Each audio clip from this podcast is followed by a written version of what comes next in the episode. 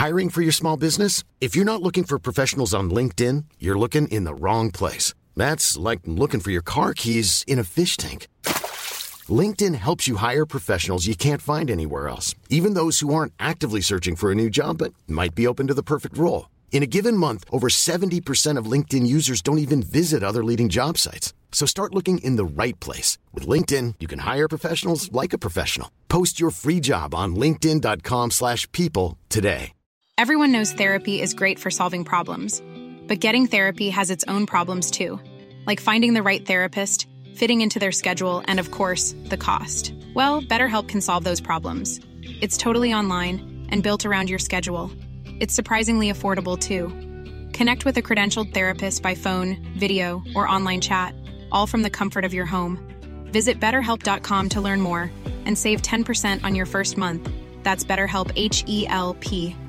Quality sleep is essential. That's why the Sleep Number Smart Bed is designed for your ever evolving sleep needs. Need a bed that's firmer or softer on either side? Helps you sleep at a comfortable temperature? Sleep Number Smart Beds let you individualize your comfort so you sleep better together. JD Power ranks Sleep Number number 1 in customer satisfaction with mattresses purchased in-store. And now, save 50% on the Sleep Number limited edition Smart Bed for a limited time. For JD Power 2023 award information, visit jdpower.com/awards. Only at a Sleep Number store or sleepnumber.com. Vi är denna vecka sponsrade av Indie Beauty. Och Sofie, det här tycker jag är extra fint och extra roligt.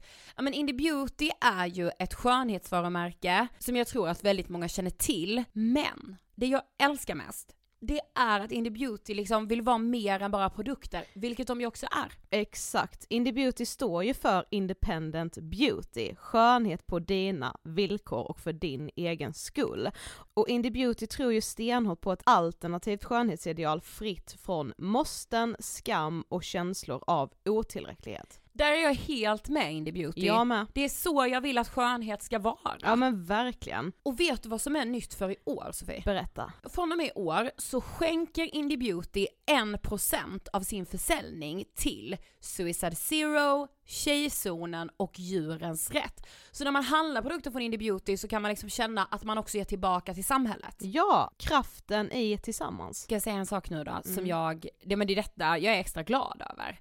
Nu har Indie Beauty tagit fram en keps och den tycker jag ändå så, på sommaren, skydda sig från solen. Jättebra, jag älskar kepsen. Men det bästa, de bidrar till Suicide Zeros viktiga arbete för att minska antalet självmord och självmordsförsök.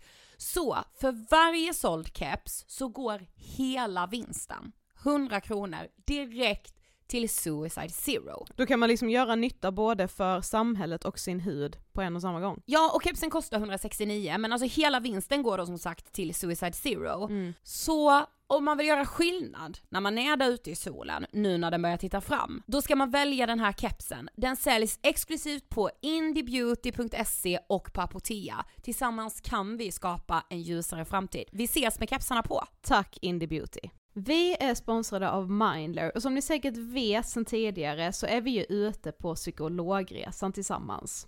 Men hur vet man egentligen när det är dags att söka hjälp? Ibland uppstår saker i livet som kommer utmana oss och kännas tufft. Det mesta självläker vi oss igenom, för vi är menade att ta oss igenom en viss mängd påfrestningar. Men ibland behöver man professionell hjälp för att ta sig ur jobbiga perioder i livet. Men vart går då gränsen? Vad är en del av livets skavighet och när är det läge att söka hjälp? Det sägs till exempel att stress är farligt, men att också kan vara bra. Alla sover dåligt ibland, så när har man egentligen sömnproblem? Ångesten kommer väl krypande för de flesta någon gång. Så när ska man se ångesten som outhärdlig? Hur vet jag? Med oss som psykolog har vi såklart min gamla psykolog Linnea Seidbrant. Men Linnea, vad är egentligen utmattningssyndrom? Utmattningssyndrom är en konsekvens av svår och långvarig stress utan möjlighet till återhämtning. Mm. Vi är ju då skapta för att klara av stress, men vi behöver också återhämtning. Om du utsätts för för mycket stress under en lång period utan att du får till den nödvändiga återhämtningen så kommer kroppen till slut att säga ifrån. Och det är faktiskt så att alla har en gräns. Du kan drabbas av en rad fysiska eller psykiska besvär som trötthet, sömnproblem, hjärtklappning, besvär från magen och tarmarna och mycket annat. Och det här är ju då varningssignaler och tecken på att du kan behöva göra någonting åt din situation. Annars så kan besvären utvecklas till att du mår så dåligt på sikt att du blir psykiskt och fysiskt utmattad. Ladda ner Mindler till din telefon och läs mer på mindler.se.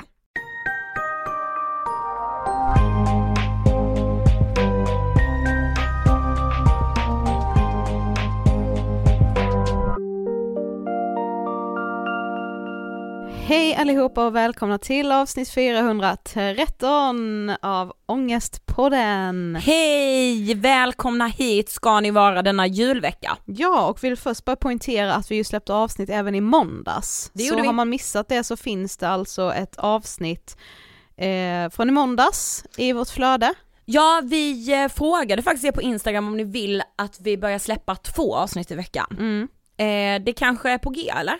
Ja, det kan bli så 2023. Det kan det bli. ja, Vi behöver producera mer, inte mindre. nej precis. Nej men det känns som att vi har, den här hösten har vi fått så mycket bra förslag på gäster och ämnen att ta upp. Så det har blivit väldigt lite bara du och jag ju. Ja. Och jag menar vi går igenom skit som man vill, som man vill älta här. Verkligen. Jag vill vältra mig i min skit lite också. ja. Nej men alltså verkligen, så det kanske blir så ett avsnitt med oss i veckan Och ett med gäst. med gäst. Mm. Gäster med gester så att säga. Nej men det hade varit lite kul faktiskt. Ja men jag tycker det. Vad har du för känsla inför julen? Som vanligt, jag hatar det. Ja, ja men jag gillar ju verkligen inte Nej, alltså det är fattar. sen gammalt. Det har jag väl gjort sen vi startade Ångestpodden liksom. Mm. Och det blir inte bättre med åren utan det blir faktiskt värre och värre. Mm. Eller så, nej, inte värre och värre ska jag inte säga som att så det blir jobbigare och jobbigare. Nej, men jag bryr mig mindre och mindre och det kan ju förvisso vara lite skönt också. Det tror jag va? Ja, Ja. men eh, jag kan typ känna ibland när man så, ja men nu när man pratar om det så vill jag ändå alltid poängtera att jag inte tycker om julen och då känns man som en sån, Grinchen. ja men verkligen, att folk är så bara, ah, nej då är du en sån som inte gillar jul. Mm. Ah, alltså, Nej! Jo. Tycker du det? Ja det, det är faktiskt känslan. Ja. Man känner ändå så, aha okej du man kan väl ändå göra det bästa av situationen. Nej! Vet du vad det är? Det är egots tolkning. Ja, jo jag vet. Mm. Det ligger hos mig, det ligger hos mig. du då? Eh, jo men jag, ah, jag känner väl lite mer så, jag kommer liksom långsamt, alltså så här, jag kommer inte köra in i julen, jag kommer väl cykla in i den. Alltså står det, väldigt så lugnt, ganska harmonisk hoppas jag jag kommer vara, eh, vara med mamma och pappa, släkt, min kille, framför allt mina små busfrön som jag är moster till. Ja. Eller jag är ju inte moster, men alltså mina kusinbarn, men vi säger ju att jag är moster till dem. Mm. Så eh, mina små eh, älsklingar eh, vill jag ju skämma bort nu i jul och de, julen, sen de kom så känner jag ju mer att julen är för dem på något vis. Då fick du lägga ditt barn till sidan. Alltså det inre barnet i dig alltså. Ja precis. eh, så jag, jag ska äta julfrukost med dem och det ser jag fram emot jätte- jättemycket. Ja, mys. Dagens avsnitt Mm. tillsammans med Jakob Gudjol. Ja. Hur länge har vi varit fan? Sen han liksom granskade Food Pharmacy skulle jag säga. Ja men där någonstans började det väl. Eller så men- granskade men han har gjort mycket inlägg om dem på Twitter och på sin blogg. Ja och alltså bara hans sätt att förhålla sig till liksom Fakta, fakta. forskning. För Jakob är fysioterapeut, han, han har en master i sport science och han blev utsedd till årets folkbildare 2021. Mm. Och vi vill ju egentligen prata med Jakob om att så här, vad är vetenskap för någonting? Finns det något samband mellan depression och kost? Tarmflora, inflammationer, det här är ju liksom saker som är ständigt på agendan Mm. och också ämnen som jag inte för mitt liv kan förstå är så omgärdade av eh, eh, fake news. Nej men också ämne faktiskt som jag inte för mitt liv kan förstå att folk finner sånt intresse i. Om jag ska vara Mm. helt ärlig. Alltså tänk, tänk om man hade vetat för några år sedan bara att tarmflora skulle vara så på agendan. Ja det är ju, Liksom skit. Ja, nej men alltså så här, det kan väl vara relevant, alltså om det hade varit så till exempel, ehm, ja men jag hörde en, ehm, en person som brinner för pseudovetenskap som sa att eh, cancer och... Vadå brinner han för eh, personen för pseudovetenskap men vet inte att det är pseudovetenskap? Nej men precis, Ja, mm. alltså han tycker, alltså det är pseudovetenskap han eh, hela tiden deklarerar, det är det han pratar om och det är pseudovetenskap. ja. Eh, det går verkligen under den parollen. Ja, men, han, tycker ju inte att det är det. nej, nej han eh, presenterar ju detta som, Som att det är, ja, som att det är vetenskap och fakta. Eh, till exempel då sambandet mellan cancer och socker. Mm. Eh, som det, alltså han menar att så, socker bidrar till cancer, that's it. Mm. Nej det finns ju ingen, det finns ju ingen vetenskaplig Nej. Eh, grund bakom det. Mm. Eh, och därför är ju röster som Jakob Gudjol så enormt viktiga i mediebruset. Ja. Eh, men jag tror också att man får en förståelse varför vetenskap inte är enkla svar på stora problem. Precis, och att vetenskapen inte heller alltid ju håller med varandra. Alltså Precis. forskning kan också peka åt två helt olika håll och det Mm. kan ju vara lite förvirrande, absolut. Men, och forskningen är sällan peka med hela handen säker. Mm, precis. Med det sagt rullar vi denna otroliga intervju med Jakob Gudjol. Varsågoda! Hej Jakob och varmt välkommen till Ångestpodden! Hej, tack så mycket. Jättekul att ha dig här. Ja, Vi har liksom äntligen. följt dig på Twitter länge. Ja, Ja. och din blogg. Och Christian Dahlström, vår kära vän, han vet ju också, har sagt så, Jakob borde gästa er podd. Ja. Jag har ju varit med i hans sån Ja. Champions League-podd en gång. Ja. Och, liten corona-update var det där inför hösten tror jag det var. Okej. Ja, ja, ja. Mm. Och nu är du äntligen här. Ja. Precis. Eh, men du ska få berätta för våra lyssnare, vem är du? Ja, vem är jag? Eh, Det, det är alltid lurigt det där. Jag brukar när folk menar, vad ska jag ha för prestation? Så, skriv ni ihop något som passar era lyssnare. För det, eh, jag håller ju på med väldigt mycket kan man väl säga på något sätt. Allting, det mesta överkorsar i varandra med något sätt. Det här är liksom vetenskap, träning, kost, hälsa. Ja. eh, kan man väl säga väldigt Mm. grovt. Sen ibland gör jag ju föreläsningar som i princip bara handlar om vetenskaplig metodik. Alltså jag Mm. ibland föreläser för lite SD och BT heter det, läkare i, i Skåne, eh, Mm. i regionen där. eh, Några gånger per termin. Och då handlar det ju bara om, ja, hur läser du studier? Ja. Hur hittar du information? Och sen kan jag liksom vara på någon, jag var på en högstadieskola nu för några dagar sedan och då, då blir det ju mer bara, så här lever du bra. Ja. Eh, liksom lite koffein och sådana grejer också. Mm. Ja. Och sen kan jag liksom vara på gymmen och jag har ju en podcast då, det är väl liksom den, eller två podcast, den ena Tyngre träningssnack handlar ju om det är ju väldigt nördigt, framförallt träningslära. Ja. Eh, både praktiskt, alltså fysiologi, eh, det, det opraktiska då, alltså cellnivågrejer och sen eh, elittränare och sånt som är med Ja. där och lyssnar. Och, och sen har jag en annan podcast som heter Hälsoveckan by Tyngre och då är det då är det jag och två dietister. Hon ena är forskar eh, i princip heltid och den andra jobbar kliniskt eh, heltid.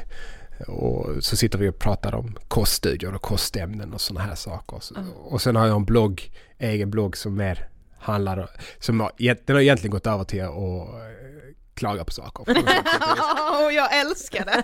Eh, det, det, är, det är ju lite, alltså förr så var det ju, då la jag upp allting, då la jag upp träningsartiklar och sånt där för då själv Men eh, jag, jag har ju var, jag har Google-annonser och de är ju väldigt invasiva på sidan så att man märker att det är annonser men man får ju väldigt lite betalt för det. Det är inget Ja. sponsrat och jag vet ju inte vad den som besöker min sida får se för någonting så jag kan ju inte skriva upp det som syns och sådär. Jag tyckte det var ganska bra sätt att hålla sig neutral.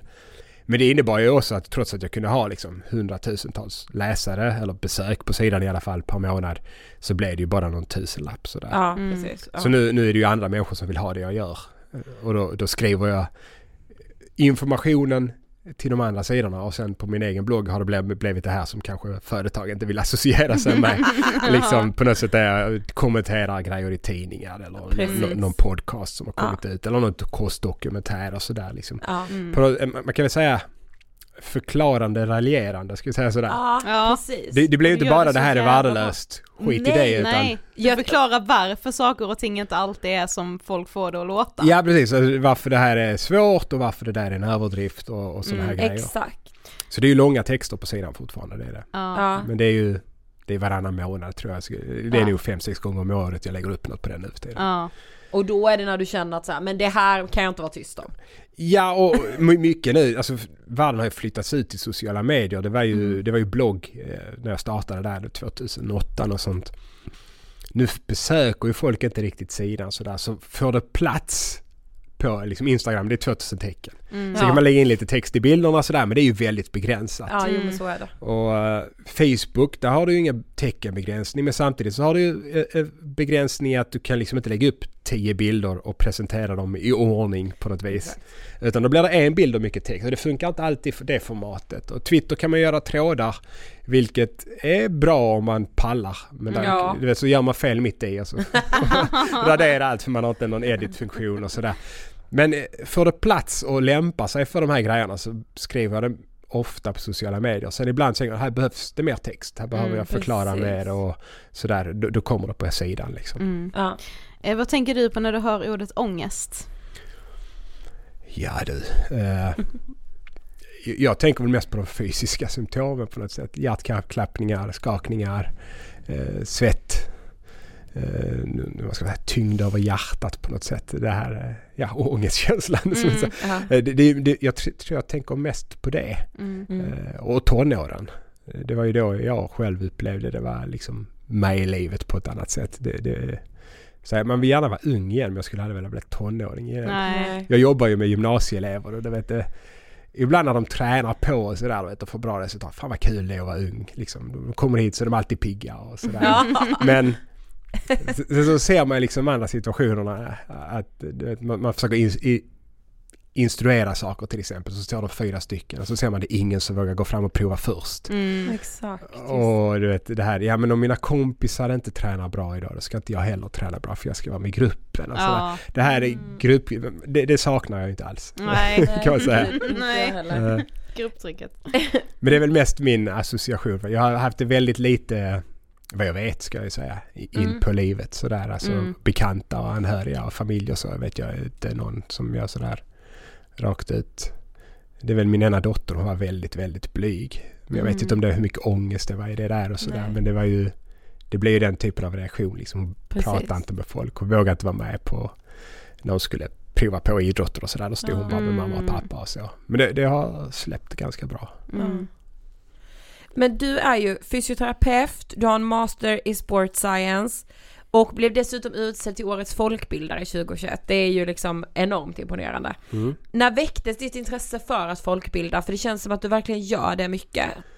Ja du, det vet jag faktiskt. Alltså, allt det här, det, det, det är bara bananskal på bananskal. Alltså, det, det, först var jag, jag var medlem på träningsforum och där, där gick jag med när jag började läsa sjukgymnast, eh, som det hette då.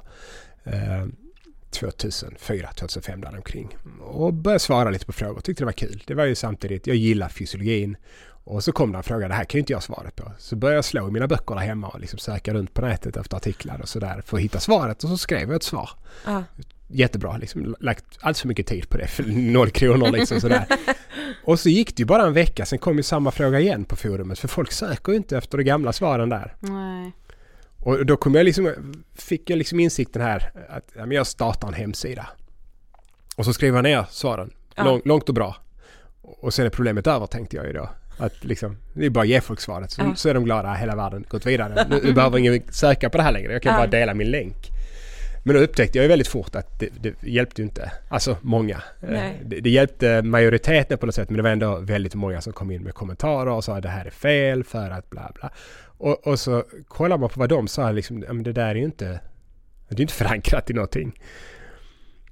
Och då börjar man liksom, nej det där är fel, sa jag tillbaka och det hjälpte ju inte. Nej. Och bara säga det, utan då på något sätt börjar man, ja men hur fan får jag folk att liksom ändra åsikt eller hur får jag andra att inte falla in för det här? Och då blir jag mycket mer intresserad av, vad ska man kalla det? Skepticism är väl egentligen ordet på svenska. Sen så folk har ju tolkat det mer till att jag är skeptisk, alltså att jag, jag, jag Mm, tycker det. allt är negativt på något sätt eller något sådär.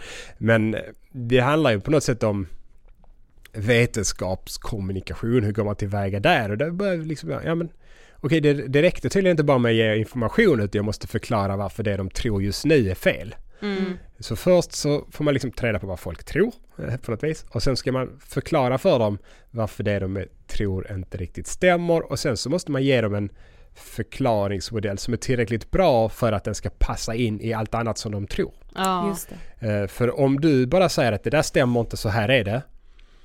Eh, då, då folk kanske liksom, då, ja jo, jo, men sen vi människor vi vill liksom ha en helhet på något vis.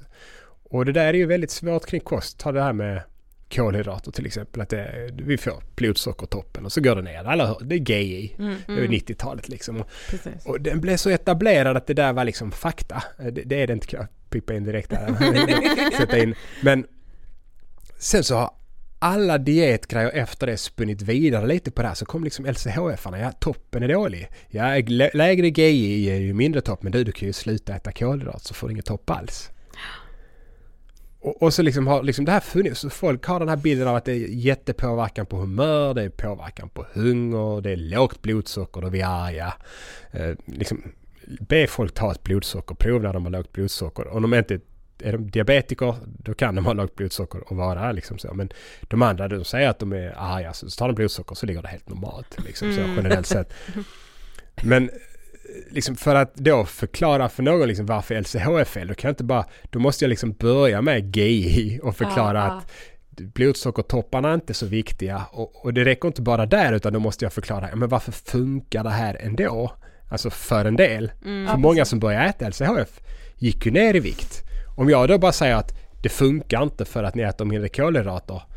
eh, Då kanske de, ja, men, men sen så när de ska förklara för sin polare varför det funkar så kommer de säga för att det är inga kolhydrater. Alltså det, Ja. det, det dör inte ut för de vill ha kvar, de vill ju ha en förklaring till det. Det räcker Mm. inte bara att säga att jag säger att det är fel. Utan Mm, jag behöver ge en precis. rimligare förklaring som passar med det här gamla synen på, eller på deras helhetssyn på det hela. Och det, det, det är svårt. Mm. Eh, och det är därför det blir de här långa texterna. Då, då hamnar vi i problemet att folk läser inte långa texter.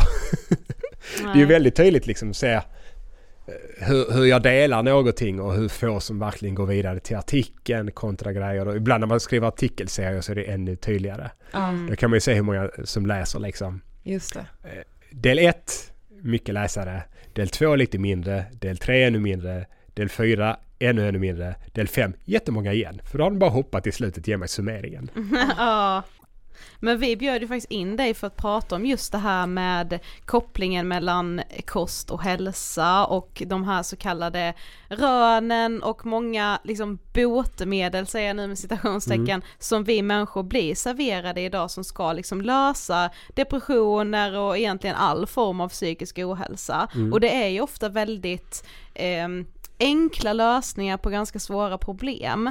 Varför tror du att de här lösningarna är så populära? Varför skrivs det så mycket om det här och liksom, ja, varför blir det så hett? Ja du, alltså just kost är ju väldigt nära inpå människor. Mm. Vi, vi gör, vi måste göra val. Du kan inte bara säga nej men jag bryr mig inte om den frågan. Nej. Utan på något sätt, du gör ju ett val. Och de som då börjar man bry sig någon gång så måste du göra valet då. Mm. Och sen kan det gå fem år. Då vill du inte höra att du har gjort fel saker i fem år. Det var Nej. negativt det här eller det hade ingen effekt. Du har ansträngt dig i onödan och sådär. Och då blir ju folk väldigt defensiva och irriterade och arga.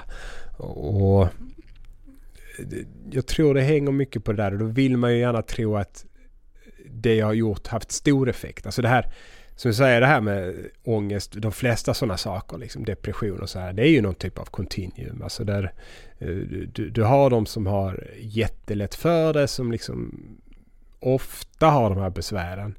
Och de är ganska få. Och sen har man liksom en grupp där lite högre upp då som får det då och då, till och från och sådär. De är lite fler. Och sen har man gruppen i mitten som vid enstaka gånger i livet eh, hamnar för det här och de är många. Mm. Och sen har vi de som aldrig råkar ut för det och de är ganska få igen. Alltså det är Ja. den här normalfördelningskurvan. Ja, Och det, det är ju väldigt svårt för folk att köpa liksom att ja, alltså ta träning och depression till exempel. Där har vi bra evidens tycker jag. Ja. Att det funkar. Alltså på något sätt. Men det funkar inte som ett botemedel utan det, bara, det puttar lite på kurvan. Så istället för att du kanske då har, nu hittar jag på siffrorna men istället för Ja. att du har fyra episoder per år där du har tre, fyra veckor och mår dåligt. Så kanske du får tre episoder. ja, Och så istället för att de varar i genomsnitt fyra veckor så varar de i genomsnitt tre veckor. Alltså, Ja. det Du lindrar. du flyttar dig på kurvan liksom. Ja. Och flytt, hade vi gjort det med hela befolkningen, ja, då, då blir det ju en stor effekt på liksom akutmottagningarna kanske så. Exakt. Men för en individ så är du ju inte botad på det sättet att det här kommer aldrig drabba dig igen. Nej. utan det är mer Nej. bara, du, du kommer må i genomsnitt lite bättre. Ja. Men du kommer ha dåliga dagar, bra dagar, dåliga månader, dåliga dag, liksom månader och så vidare. Mm. Och, och det där, där vill man ju på något sätt gärna tillskriva det här en väldigt betydligt större effekt. Liksom. Ja, så många precis. tror ju, framförallt de som aldrig har haft depression då, eller tittar på datan, de tror ju att ja, men det där fixar ju, det är bara ut och träna lite. Ja. Ja precis. De tror också att, så här, alltså att de inte har fått depression beror på att de faktiskt tränar. Ja. Alltså bara med det är ju för att jag håller igång. Man bara, fast du Mm. hade ändå kunnat drabbas av en depression. Precis, bara lite, lite, lite svårare. Ja, för dig. Ja, men på något sätt, det, det krävs lite mer innan liksom, det sista droppen kommer Ja. för dig. Ja. Precis. Och, och tar vi kosten där, där har vi ju betydligt sämre data för alla de här grejerna. Men det är ju också jättesvårt att studera. Alltså det här eh, hönan och ägget har vi problemet om vi bara frågar folk hur de äter. Ja, Alltså, mm. Mår du sämre och du äter sämre, är det liksom, vad orsakade vad? Mm, För just jag vet ju själv när jag liksom är trött och barnen har haft en tuff dag och sådär. När de har somnat då går jag ut i köket och då letar jag inte efter liksom, frukten. Utan det är något gött, liksom, Mm, någon ja. belöning Mm. eh, på något vis. Och, och ja, om jag då skulle bli ännu mer, då, då kommer ju mina, säm, alltså mina matvanor att försämras med det. Och det säger ju ingenting om det var kosten som orsakade eller bidrog till det där. Nej. Men där har vi också jättesvårt med kosten att vi kan göra interventionsstudier då. På träning kan man göra ganska snygga interventionsstudier. Vi, vi tar in folk till ett labb och så ser vi att ja, men du har gjort precis den träning vi vill. Tre gånger i veckan var du här, du Ja. gjorde det. Och den andra gruppen gjorde ingenting. De var här och så fick de lite avslappning eller de fick någon kurs. Man ger dem någon typ av placebo-grej så att de ändå har kommit in och fått prata av sig eller Mm. träffa folk och sådär. Ja. Och så ser vi att de som tränade mådde lite bättre. Och man kan göra dosförhållanden där. Så vissa får komma in två gånger i veckan, vissa får komma, träna in fe- komma in fem gånger i veckan. Ja. Och så ser vi någon skillnad i hur de mår då. Och så vidare. Så, men med kosten där, jag kan ju inte, jag kan inte lura någon att de ändrar sin kost. Och folk anmäler sig att vara med i studier. Liksom, ja, jag, jag har depression, det är kriteriet för att få vara med i de här Mm. studierna. Och så är det då i anmälan, ja vi ska testa dieter och hur det kan påverka. Kriteriet är att du, med, eh, liksom, du har depression. Och med. Då kommer du in med förväntan att jag ska få en kostbehandling mot min depression. Ja. Och om då någon lottar dig så säger de du i kontrollgruppen fortsätter äta som vanligt. Alltså du är ju deppig när du går därifrån redan. Ja. Alltså du har ju redan sjunkit ett steg på skalan Ja. antagligen för att nu, nu, nu tog jag ändå tag i mitt liv här liksom. Mm. Det kan ju vara ett problem. Och, och så Fan, tänkte jag skulle jag få en behandling. Och så, så, så, är jag, nej precis, så är jag placebogruppen. Ja. Medan de som får den här, det här kommer funka, de vet att de får förändringen. Eh, och så, det är ju självskattning. Mm. ja det är ju det. Mm.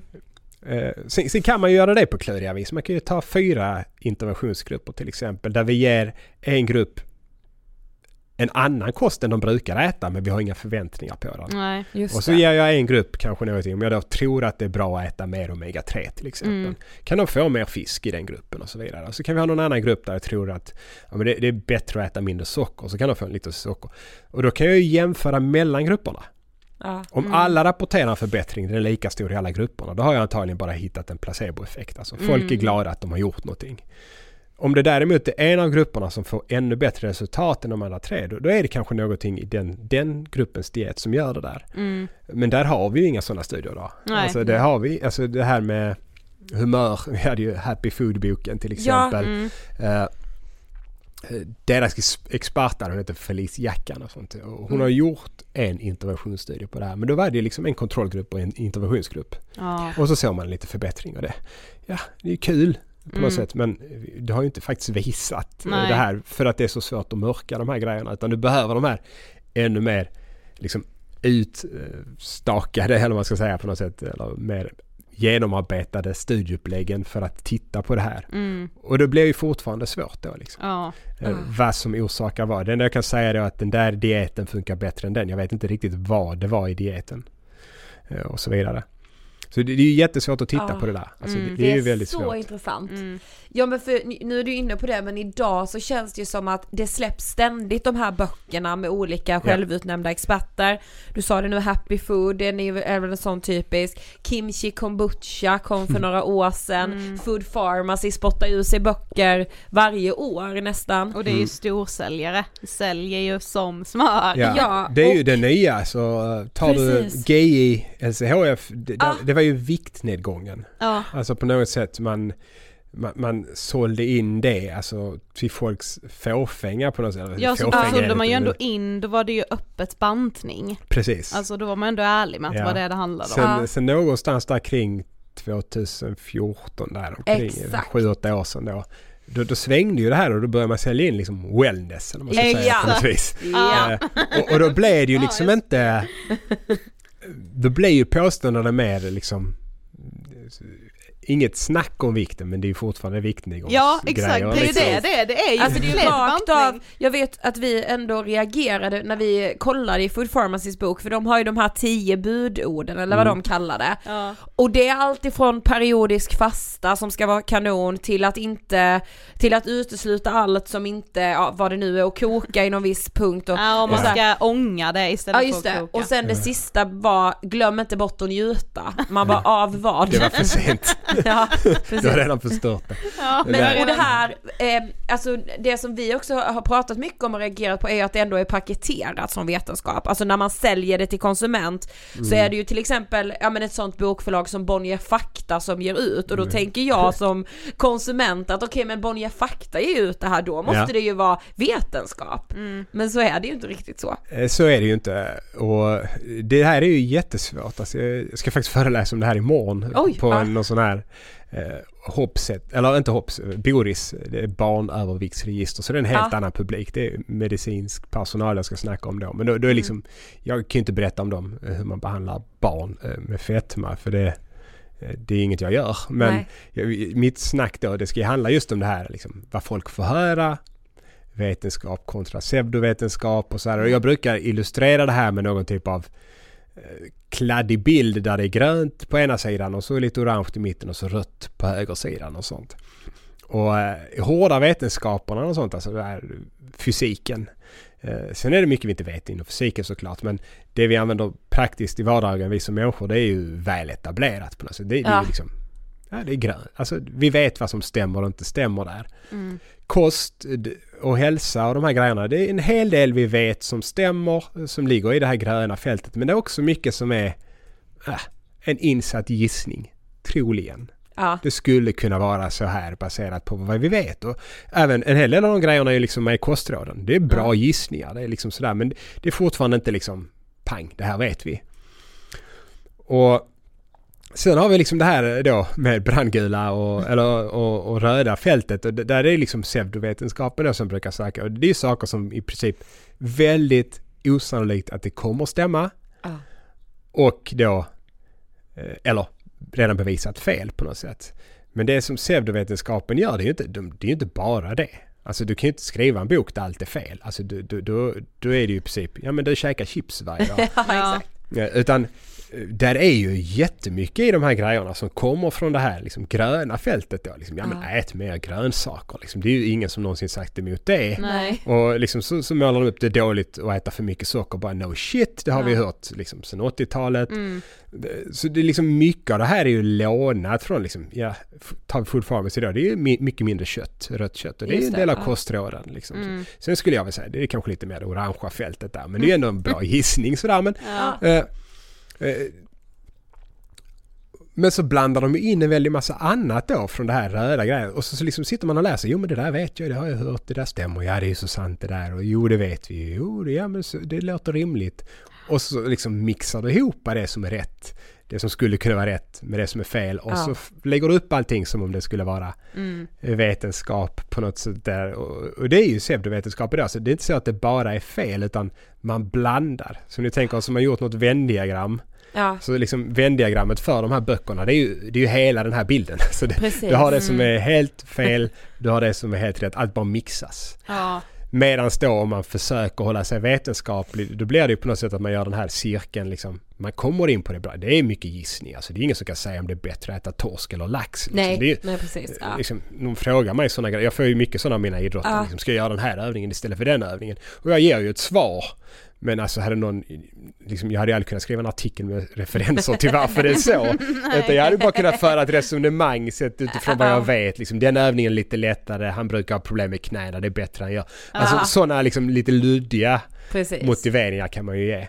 Mm. Men det är där man ska försöka hålla sig om man försöker vara eh, vetenskaplig eller på så sätt. Men, men man, och det handlar ju också om att ju oftare du gör en insatt gissning desto fler gånger kommer du ha rätt. Mm, mm.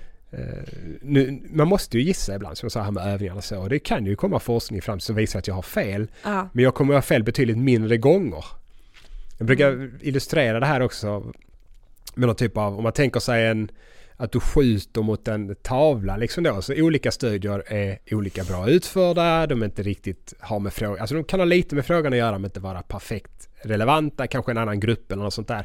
Men så, på något sätt om, om du tittar på alla studierna tillsammans så kanske du ser, ja men där är nog liksom i mitten, de, de flesta är liksom, var är de närmst? Ja, är du med på vad jag menar? Ja, ja, ja. Och då kan man tänka sig, det var det som skytten siktade mot. Ja, Där är Ja, sanningen på något vis. Mm. Fattar. Så du tänker att det var lite liksom en piltavla istället. Så många grejer hamnar liksom på de här eh, lite utanför Ja. mitten. Det är nästan ingen studie som är perfekt och hamnar där inne. Du kan alltid klanka på en studie. Det är pisslätt. Alltså det är det Ja. lättaste som finns. Ja. Ja, men interventionsstudierna som jag pratar här, det är ju fantastiskt. Men kan jag säga, men det, det är svårt. De kunde inte riktigt blinda.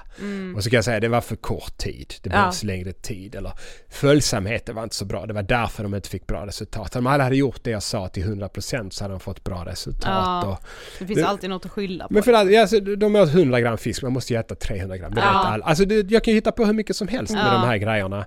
Och observationsstudierna samma sak. Så man kan alltid klanka på en studie men om vi tittar på allting så ser man ungefär var borde sanningen ligga. Mm. Det som pseudovetenskapen gör lite mer är att de, de har ju på något sätt, de hittar en prick som är där de vill att den ska vara. Ja. Och så ritar de måltavlan runt den. Och så säger de mitt i prick.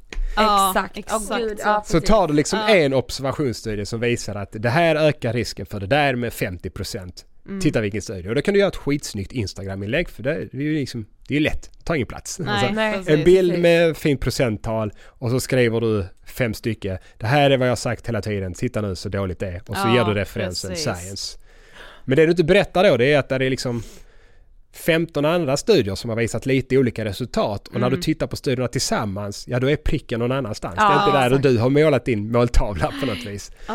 Shit. Och det där är ju det där är ju något som är väldigt svårt och det blir ju också där, ska jag, be, ska jag berätta om alla de här 15 studierna och styrkor och svagheter med dem och varför man inte bara kan titta på deras, ja då blir det inte ett Instagram-inlägg. Nej, det är det. Eh, och då, då måste jag liksom på något sätt, du kan följa dem på Instagram, de är jättepepp, de är jättegoa och glada och sådär, de har poddavsnitt på en kvart. Mm. Eh, och så låter det som du lärt dig jättemycket. Eller så Ja. får du liksom gå in på min sida där det står 6000 tecken. Jag är inte så jättebra på att skriva rent, alltså ordligt. Så Fredrik Backman, han, han och jag gick på samma gymnasieskola. Ah. Vi har varit ute och kollat lite på fotboll ihop sådär, alltså i sportbarer och så när vi var unga. Han kan ju skriva liksom, han kan ju göra det skit. Det kan ju inte jag. Alltså det, det, Fast det, det, tycker det är lite, jag, nu är du hård. jag kan förklara det. Ja, och det. Men jag kan inte skriva det så att det är fint språkligt. Där är många stavfel. Jag, och många gånger så konturläser jag inte. Liksom jag skriver det från början till slut, sen skriver jag publicera. ja. För jag vet att om jag sätter mig och läser det dagen efter så kommer jag vara sur på det stycket, så kommer Ja, jag börja skriva om. Så jag plötsligt har jag lagt alltså, 30 timmar på en artikel istället Ja. för 7. ja, precis. Och det, det är inte rim, alltså jag, tjänar inte pengar på mina egna sådana artiklar på det sättet. Det är ju marknadsföring men inga pengar. Nej. Eh, Så jag bara slänger upp det. Och det- då krävs det lite mer den här ansträngningen. Och lyssna på tyngre träningssnack, då kan vi ju liksom prata om proteinintag vid träning i en timme 20 minuter. Mm. Istället för att bara lägga upp ett Instagram-inlägg eh, som skulle kunna vara rätt det också. Men då, då vet ingen varför mitt inlägg är rätt och någon annans är fel. För att de är Nej. likadana. Mm. Men, men känslan är också att alltså, i takt med att man ändå började prata mer och mer om psykisk ohälsa, det har ju liksom ändå hänt väldigt mycket de senaste åren här just på det ämnet och hur man har pratat om det, så har vi ändå en känsla av att den här pseudovetenskapen har också liksom pikat på något sätt i att så här, ja men man serveras väldigt enkla lösningar, du ska sluta med gluten, du ska sluta med socker, ät så här så kommer du aldrig mer må psykiskt dåligt, alltså det är väldigt mycket Mm. så. Men hur har det liksom sett ut genom tiderna? Är det så att liksom vetenskapen alltid har varit lite hotad av pseudovetenskap eller är den mer trendig idag? Den har alltid funnits skulle jag säga. Så det, det är Mm. bara... Dietböckerna var ju inte bättre förr. Det var Nej. bara det att du hittar inte kritiken på det sättet. Nej, det, precis. det var ju om Ja. någon journalist engagerade sig och skrev en artikel. Men då måste ju det nästan vara... Alltså... För 15 år sedan kom det en artikel i Svenska Dagbladet så läste ju aldrig jag den nere i Skåne. Nej, Alltså det, det kunde varit en jättebra granskning, då var det inte mig. nej, Nej, precis. precis. Eh, men boken såldes ju i varje bokhandel liksom. Precis. Sådär.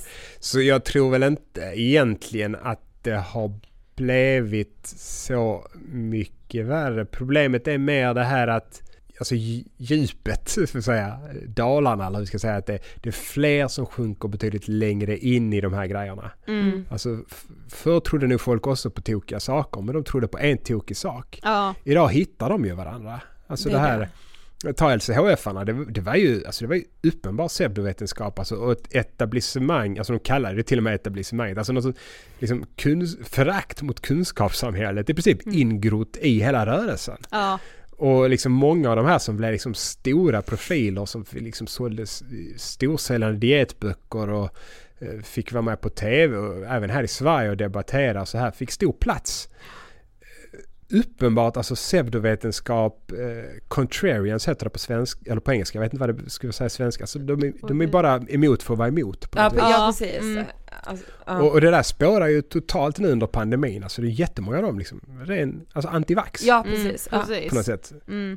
Men det var samma från början. Alltså det var lika mycket antivetenskap. Det var bara inte så farliga konsekvenser. Men Nej, Nej, precis. jag, Ja. jag vet att det är någon eh, en podcast jag gillar som heter You are not so smart. Mm. Och, och det var en eh, bibliotekarie var hon från början tror jag, eh, som var med som gäst där. Och hon hade som grej att åka runt och prata med flat earthers. Alltså de här Aha. som tror att jorden är Ja, platt. ja, Och så sa han så här, men varför bryr du dig om liksom det här och varför du utar det? Så sa han så här, nej men jag ser det på sådant sätt på någon typ, alltså den här pseudo, alltså som en typ av motorväg. Alltså du kommer in lite på banan där, om du inte snabbt får dem att köra av igen så kommer de in i flödet och då bara sväljer de fler och fler av de här grejerna. Och det Ja. ser man ju att det klustrar ju sig. Precis. Det är ju inte en sak som de här personerna ofta har för Nej. sig utan nej. det fångar upp. Och till sist så kommer det ju skadliga grejer med där också Ja. på något vis. Jag tyckte det var intressant när, eh, ja men det var i samband med coronapandemin, jag tror det var 2020 eller våren 2021 så släpptes ju den här vaccinkrigarna på Mm. SVT. Där de hade verkligen infiltrerat eh, Ja. hela vaccinrörelsen i USA. Men också här i Sverige och hon då som var den här förgrundsfiguren i Sverige när de hade träffat henne några månader och de sitter på ett café och det är dold kamera då, då börjar hon ju också säga till dem att ja men förintelsen har ju inte hänt. Nej. Och då märker man alltså, alltså det är bara, det är bara Hon fortsätter började ju det här. mer och mer tänka att allt, alltså hon levde liksom som en jättestor konspiration bara. Ja men så är det ju. Alltså, Ja, det är ju enda precis. sättet att få ihop de här sakerna Ja. på något vis. Alltså det, Ja. eh, du, du, du, du måste förklara bort en sak med en ny påhittad förklaring. Och, och sen så, så blir det bara att du gräver vidare och liksom, till sist så hänger ju inte det ena argumentet ihop med det andra. Nej, utan precis. deras grej är egentligen bara att hoppa från argument till argument. Mm. Men då är man ju då är man inne i det här eh, konspirationspersonlighetstänket på något vis. Mm. Men, men det är ju en, en avgrund man lätt hamnar i, eller lätt. Mm. Men eh, ju mer vi liksom introducerar folk för det här, liksom ta, TikTok är ju en jätteklurig grej där. Alltså det är ju, Exakt. Alltså sociala medier har det ju alltid varit. Hiring for your small business? If you're not looking for professionals on LinkedIn, you're looking in the wrong place. That's like looking for your car keys in a fish tank. LinkedIn helps you hire professionals you can't find anywhere else, even those who aren't actively searching for a new job but might be open to the perfect role. In a given month, over 70% of LinkedIn users don't even visit other leading job sites. So start looking in the right place. With LinkedIn, you can hire professionals like a professional. Post your free job on linkedin.com/people slash people today. Life is full of what ifs. Some awesome, like what if AI could fold your laundry? And some, well, less awesome, like what if you have unexpected medical costs? United Healthcare can help get you covered with Health Protector Guard fixed indemnity insurance plans. They supplement your primary plan to help you manage out of pocket costs. No deductibles, no enrollment periods, and especially no more what ifs. Visit uh1.com to find the Health Protector Guard plan for you. Everyone knows therapy is great for solving problems, but getting therapy has its own problems too, like finding the right therapist, fitting into their schedule, and of course, the cost. Well, BetterHelp can solve those problems. It's totally online and built around your schedule. It's surprisingly affordable too. Connect with a credentialed therapist by phone, video, or online chat, all from the comfort of your home. Visit betterhelp.com to learn more and save 10% on your first month. That's BetterHelp H E L P. Men ju mer eh, kort det blir desto kortare tidsspann det blir. Alltså, nu- jag har ett TikTok-konto, jag har knappt lagt upp någonting. Jag är mer intresserad av att titta lite vad som kommer upp där sådär. Men jag känner ju bara, jag, jag har inte riktigt kommit till grepp med lite hur det funkar men också hur, hur, ska jag bemöta någonting här? Hur, hur Jag fångar jag upp någon på 10 sekunder och ger ett vettig grej på 15 sekunder till? Ja. Alltså, det, är så lätt att paketera det korkade snabbt på något ja, vis. Eller det felaktiga snabbt. Medan just det här alltså, det räcker inte med att jag bara liksom lägger upp ett roligt klipp och skriver det där är fel. ha, Nej, ha, nej, ha." absolut. Det, det kommer ju räcka för att jag ska få följa det. Jag blir Ja. poppis. Folk gillar ju debunkers också på det sättet. Men jag kommer ju inte ändra någons åsikt. Mm. Nej, Jag kommer, och jag kommer inte få folk att liksom lyssna och tänka att alltså, ja, men det där är nog rätt mer. istället. Nej, jag kommer egentligen bara göra de som redan tror på det andra, de blir arga. Mm. Och så de som inte redan trodde på det andra tycker jag är skitkul att börja Ja, följa med. Så precis. blir det den här liksom delningen, Ja. splittringen på något vis. Mm. Ja, jag har ingen lösning där. Så Jag har sagt inte att börja publicera något. Nej men vi fick ett, eh, skicka till oss just på, på tal om TikTok, jag tror det var förra veckan av en, av en eh, lyssnare till oss. Var det ett kosttillskott? Nej det var inte ett kosttillskott utan det var ett, eh, ja men något pulver som man skulle lösa upp i vatten eller te eller vad fan man ville. Och då var ju liksom det här TikTok-klippet depression? Frågetecken, ångest? Frågetecken och så, så här, här har jag lösningen. Ja. Eh, och man är så, var Men- börjar jag ens i det här? Hur Alltså- svarar du på det med en TikTok? Ja, Ja, precis. precis. Liksom. Ja. Men det är ju det som blir så hemskt också när alltså de här då olika lösningarna också riktar sig till personer som faktiskt mår dåligt. För n- när man mår dåligt, man drar ju varje halmstrå. Du är beredd Och att får- testa allt. Ja, och det är och får Alltså, det då- folk, som jag sa, jag har ju inte haft de här. Men hade jag haft någon sånt besvär eller om jag hade haft, säg, någon mag-tarmbesvär, alltså en IBS, något sånt där. Precis. Jag hade också experimenterat Ja, lite. Det är väl ja. klart man gör det. Och speciellt då med råd som man får serverade när man ligger hemma i sängen och Ja. scrollar på telefonen. Du behöver fan inte ens googla längre för Nej. tipsen kommer till dig även om du inte vill ha dem. TikTok vet att du deprimerar lite. Ja, de exakt. mer av det. Jo men det räcker att du stannar två sekunder extra på jo men jag är ju och så är lite intresserad så tänker man nej det var trams. Ja. Men då får du det fem gånger till för Ja, att TikTok exakt. såg att du stannar lite extra. Precis. Det här har jag, där har man ju, den har jag haft väldigt sned bild av mig ibland kan jag säga. När, när jag liksom tittar på något för att jag vill veta vad som sägs, inte för att jag vet att, för att jag tror att det är bra. utan Nej, för att jag vill, Precis, samma här. ja, Ja. Så skickar det mer sånt till mig så blir man bara "Ah, Ja, Ja, man bara, det är mycket Jag har kristaller sett kristaller till ja. Nej men ett annat begrepp som vi har diskuterat mycket i podden som, som är så typ det modernaste begreppet som alltid kommer nu för tiden när man pratar kost, det riktas ofta till kvinnor. Det är att man ska ta hand om sin tarmflora. Mm. Vad är tarmflora för någonting? eh, bakterier. Ja, mestadels. okej. Eh, Och är den så livsavgörande som många vill göra gällande nu för tiden? Alltså på djur kan man göra väldigt fräcka grejer med det där. Ja, alltså man kan okej. slå ut det, man kan föra över eh, liksom, bakterierna från ett djur till ett annat och föra över då symptom eller besvär och fräcka saker helt enkelt. Människor har man ju egentligen inte visat något av det där än för vi får ju inte liksom bara man kan ju föda upp möss helt utan flora. Mm. Alltså de är bakteriefria. De Ja. lever i en steril miljö. Och så kan man ge dem liksom en hel introduktion av olika grejer. Så ser man när vi introducerar olika saker så blir det olika effekter. Och vi har ju korrelationsstudier på människor som visar alltså en sämre sån här som kallas för diversitet. Alltså sämre variation kan man säga på sätt och vis. Eh, korrelerar ofta med liksom sämre hälsa och, och sådana här grejer. Så där finns ju på något sätt en cool eh, potential. Säga så? Mm. Grejen är ju bara här att vi har ju liksom ingen data som säger att den här mixen precis är dålig för att ge dig den, dig den här biverkningen eller den här effekten och sådär. Och vi har inte heller liksom det här vi vet ju inte hur vi ska fixa det sen om vi hittar den här dåliga mixen. Där finns en, en diarrésjukdom, alltså tarmgrejs, som man förr använde liksom antibiotika, alltså storkur, för att slå ut på liksom floran. Eh, men där har man ju sett att får du någon frisk istället och då bajsar i burk och så fryser du in den så för du över de här bakterierna till den som är sjuk. Så är det mer effektivt. Ja, okej, Mm. ja. Eh, Men det, det är ju en stor process. Eh, Då tar du alla tarmbakterierna och ändrar det eh, ganska markant och de har en väldigt dålig, alltså negativ situation från början. Men man tar till exempel här som man trodde på kanske 7-8 år sedan att det skulle kunna göra dig smal. För man hade någon musstudie Ja. där man tog tarmbakterier från överviktiga möss och gav till smala möss och så gick de upp i vikt. Ja. Just det. Och så gjorde man motsatsen då, att man tog smala mössbakterier till de med övervikt och så gick de ner lite i vikt. Men det där har man ju testat på människor i ett par studier nu och det händer ingenting med deras vikt. Okej.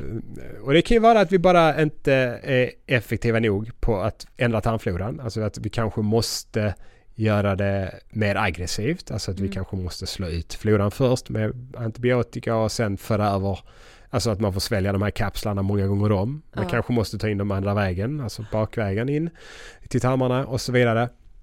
Det är möjligt men du kan ju tänka själv, alltså det här, då slår man ut allt och så inför man jättemycket. Att då tro att du, kommer få en effekt för att du börjar käka blomkål istället för eh, liksom tomater eller gurkmaja eller något sånt där. Alltså det, Ja. Vi har ju inte visat att det har en effekt på floran. Alltså det, det har ju en effekt, allt har en effekt. Alltså går du KBT-behandling så får du en effekt på Ja, floran. precis. Går du ut och springer och får, alltså allting påverkar floran på något sätt. Den är ju symbios med oss och liksom sover du sämre får en annan sammansättning. Från dag till dag varierar sammansättningen och så Mm. vidare. Eh, Men vi vet ju inte liksom vad ger det här enskilda livsmedlet för påverkan och vad ger den påverkan sen eh, på vår hälsa. För det är ju också stor, en stor grej, alltså det här med tarmfloran, alla vägar vi har sen. Alltså vad gör tarm, när man säger att ja, dålig tarmflora ger hjärt-kärlsjukdom. Mm. Det är ju inte tarmfloran direkt som gör det, utan har vi en sämre sammansättning på tarmfloran så finns det anledning att tro att det kanske, då kanske vi får en sämre kolesterol. Mm. Och sen ökar det i sin tur risken Ah. för hjärt-kärlsjukdom. Och då har vi, alltså då behöver vi inte titta på floran egentligen. Det är ju väldigt intressant för att veta mekanismerna. Men vi har ju jättemånga dietstudier redan där vi ger folk en viss diet och så har vi redan tittat på kolesterolet. Mm. Som jag vill veta om en diet är bra för hjärt-kärlhälsa Ja. då behöver jag egentligen inte gå via tarmfloran om jag tror att tarmfloran bara i sin tur verkar via kolesterolet. Ja, Men då vet jag redan vilka dieter påverkar kolesterolet. Insulinkänslighet har man ju samma typer av studier där man påstår att sötningsmedel till exempel, att det påverkar tarmfloran negativt så skulle det i sin tur vara dåligt för blodsockerkontrollen. Och där är inte så mycket studier gjort på det där men vi har väldigt mycket studier där vi ger sötningsmedel och kollar på blodsockerkontrollen direkt. Ja, precis. Så varför ska vi titta på flora nu? Om vi har studier som redan visat att sötningsmedel inte har någon betydande effekt på blodsockerkontrollen. Det kommer inte förändras för att jag börjar titta på floran först och sen Nej, blodsockerkontrollen. precis. Varför måste vi göra den Men gud det är omvägen? intressant, alltså när jag hör dig nu så tänker jag så här, det här kan man ju knappt ha skrivit om ändå så tjatas det om det här i olika wellness, Ja. Ja. alltså jämt och ständigt. Ja men jag Ja. tycker också att så här, runt wellness så handlar det också väldigt mycket om det här rena, alltså att vi måste Mm. vara så rena i kroppen och åh vi har, vet ni att vi går runt och har så mycket inflammationer i kroppen och vi måste bli av med de här inflammationerna, alltså hur är det egentligen med de här inflammationerna? Eh, Där, där finns det ju, alltså, man kan ju mäta, inflammation är ju inte, det är ju en sak på sätt och vis men vi har inte en markör för det utan vi har ju Nej. flera grejer men vi Mm. mäter det blodet och det, det är som blodsocker, det ska inte vara noll. Alltså har du inget blodsocker du är död. Mm. Ja. Eh, utan det, det ska ligga på en normal nivå. Har du för lågt kan vara allvarligt. Alltså för lågt för diabetiker då kan du hamna i koma och sen dö om det liksom Mm. går för långt. Och för högt, det, det är ju liksom det är diabetes. Alltså över tid så är det jätte, alltså typ 2 diabetes. Då. Ja. Ja. Det är också negativt att ha det för högt för länge. Och inflammation är samma sak. Alltså det, det ska vara på en basnivå så att det kan reagera om det händer något i kroppen. Ja för man att- har alltså inflammationer i kroppen. Alltså de här markörerna är, florerar alltid runt man säger. De- Ja, de är inte ja. nere på noll utan skulle jag ta till exempel är ett väldigt vanligt vär- värde. Just Mm. det. Då får jag inte noll. Nej. Utan jag får någonstans 0,51 kanske. Mm. Så, hos en ung frisk person. Mm. Ja. Och får jag då en infektion, du är förkyld eller du har fått ett sår som är lite inflammerat. Då kan du ha en CRP på liksom 200, 300. Ja, så jättehögt kan man få det om man är liksom ordentlig infektion och sådär. Mm. Så den, kan liksom variera väldigt mycket. Men och jag tror man ska ha över 10 och sånt. Nu är inte jag medicin alltså, det kan vara lite fel. Men man ska ha ett litet steg upp där för att man ska säga att det pågår en inflation, en inflammation i kroppen. Alltså det, det har skett en förkyld eller Ja. något bakterie eller virus. Men vi har en, en ordentlig grupp av befolkningen ändå, alltså en stor procentandel som har värden på kanske 2-3 eh, på just det här CRP då. Eh, vilket innebär, då kallar man det för subklinisk inflammation på något sätt. Alltså de har lite högre inflammationsvärden. Och tittar vi på den gruppen över tid, alltså vi följer dem i 20 år, så, så kommer de få fler sjukdomar, alltså besvär, än gruppen som ligger då inom 0,5, 1 eh, däromkring. Mm. Så det finns det här som kallas för låggradig inflammation och- det är liksom en riskmarkör, det är någonting negativt. Och vi vet att vi kan påverka det där lite via kosten, liksom vad väljer vi att äta för mat? Men framförallt så påverkar vi det där via kroppsvikt. Mm, Eller egentligen eh, fettmassa egentligen. Alltså, eh, ju högre BMI du har eh, liksom på gruppnivå då, alltså tar vi de som har BMI 25 till 30 så har de högre som grupp inflammationsvärden än de som har 20 till 25 och så fortsätter det uppåt där för stegen.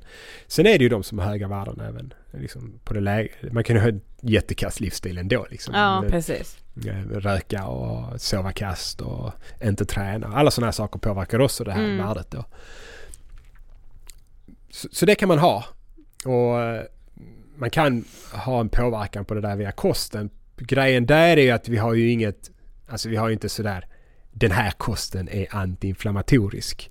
Nej. Det är Eh, så I, det i form av att, alltså alla kallar ju sin kost antiinflammatorisk. Ja. Men det är ju inte samma. Så köper du två antiinflammatoriska böcker om antiinflammatorisk kost så kommer det vara olika lite då där. Ja. Sen har ju de ganska, alltså dietkulturvärlden, alltså dietbyxvärlden, de har en ganska överlappande där ändå. Det är mycket inte gluten, Ja, inte socker, Mm. gillar gurkmaja, ingefära, Ja. gärna precis. blända gröna grejer i en smoothie. Ja, mycket. Ja, Och- mycket smoothies. Jag dricka Ja, lunchen ska man ju. Absolut ja. inte Ja, så- socker och sådana här Nej, saker. nej, Om nej. det inte är naturligt. Dadlar är tydligen okej. så. Ja, dadlar är mycket perfekt. Ja. Ja, precis. Eh, där har vi ett mönster. Men sen har vi ju forskning där man på något sätt kallar det antiinflammatorisk kost också. Man har till exempel tagit fram ett som man kallar det för index, alltså antiinflammatoriskt index i Mm. Uppsala.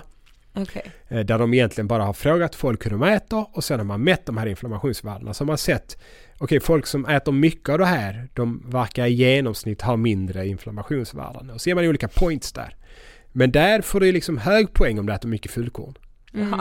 Och du får hög poäng om, jag tror det är yoghurt och sånt där kan också ge pluspoäng liksom. Jaha. Mm. Och, och, och sådana här saker. Så det är ju en helt annan kost. Ja. Men den kallas antiinflammatorisk kost. Vi hade ju lite rubriker i tidningarna för något sen när Uppsala, de har liksom jo, tagit fram det här indexet på en grupp människor. Ja. Sen har de följt en annan grupp människor och sett att de som följer vårt index med, de får mindre hjärt-kärlsjukdom och Ja, de, de ja. mådde bättre. Mm. Eh, och så kommer de här, du vet, antiinflammatorisk kost, dietvärldsgrejerna. Då delar de ju den här tidningsrubriken och säger Ja. titta vår kost. Men det är ju inte er kost. Nej, Det- men de, de kidnappar ju bara liksom De rubriken. Alla ja. kallar olika saker för samma sak. Ja. Och så fort det går bra, alltså den här, då är vi inne på det här, liksom, de, då tog den där studien och så målade de måltavlan runt om. Ja, precis. Och så sa de mitt i prick, här har du ett bevis för vår grej. Ja. Det finns ju andra sådana här, det, det roligaste tycker jag är det, det är ett som de har tagit fram i USA där de gjorde ungefär samma system. Men där, i den så var öl och pizza antiinflammatoriskt. Det är ju något jag skulle äta. Ja, absolut. Då äter jag antiinflammatoriskt Ja. också. Ja. Fan vad bra. Och hypotesen där var ju liksom, öl har ju lite sådana här fenoler och så. Och pizza då är ju, det är mycket lykopen, alltså tomatsåsen. Ja. Amerikanerna har ju mer rikligt med tomatsås än vi har på våra. De har ju andra typer av pizzor så. Mm. Det är väl inte omöjligt. Alltså, och sen ska man ju säga det här, det är ju jämfört med andra genomsnittliga amerikanare och de äter ju, alltså, Ja. vi svenskar äter ju dåligt, de äter ju kast. Precis. Så det kanske är bättre att käka pizza än att käka pommes och hamburgare då. Ja, Alltså, ja, för att du precis. får tomaten från pizzasåsen. Alltså, så. Ja, precis. Men hade, hade du haft en, bety- alltså en stor procentandel av befolkningen som hade ätit något av det och kanske ätit mer lax då eller något sånt Ja, där. precis. Då hade kanske laxen stuckit ut som antiinflammatoriskt Ja. istället. Ja. Ja. Så, så de här indexen då alltså. Det är ju inte fel på det sättet. Problemet är att liksom vi har inte en diet som är antiinflammatorisk. Det utförs forskning där de kallar det de tittar på antiinflammatorisk kost. Men det är olika från studie till studie vad som verkligen har varit det de har mätt och ansetts vara antiinflammatoriskt där. Ja. Så vi har ju ingen jättekonsensus där och man kan väl säga, det är ju lite det här, alltså det är ju ett jätteöverlapp med kostråden generellt sett. Alltså Mm. svenska näringsrekommendationer och Food Pharmacy är ju inte så olika i, i stora drag. Skillnaden är ju att då Food Pharmacy slänger in sina superfoods, Mm. Ja, alltså precis. grejer då som de påstår ska vara helande liksom sådär. De Ja. tillskriver de stora grejer. Och sen är de väldigt mycket mer dogmatiska mot det som inte rekommenderas då. Alltså. Ja. Det är ju ingen som rekommenderar kakor och godis och så här. Nej. Men de är mycket mer emot det. Och Livsmedelsverket rekommenderar ju folk framförallt processat kött och minska på intaget där. Men eh, de, de skriver ju inte liksom att eh, det här kommer ha en stor effekt på inflammation och blaha. Utan det är ju koloncancer framförallt som man lyfter upp där. Precis. Mm. Så, så det är ju inte, alltså det är, börjar du äta det här och det var liksom så här det är ju också en kost som kommer, alltså det är ju väldigt kalori, låg kaloridensitet på den där kosten alltså. Så du får inte värma upp det som vi sa här fullt upp i, i vissa, de trycker inte jättehårt på det här, men de, det är lite raw food tendenser i Ja, vissa, vissa delar av boken. Ja. Och eh, det är mycket grönsaker, mycket frukt, lite av dem, alltså du får inte ha grädde och smör de här Nej, med- Nej, med grejerna och så. precis. Och ja, då blir det ju en mer mättande kost. Den kommer ju ge den här viktnedgången ändå, Ja. som, som det inte marknadsför. Nej, precis. men det som blir effekt är- av också, ja du börjar äta mindre kalorier, då kommer dina inflammationsvärden att minska. Framförallt under tiden som du börjar gå ner i vikt.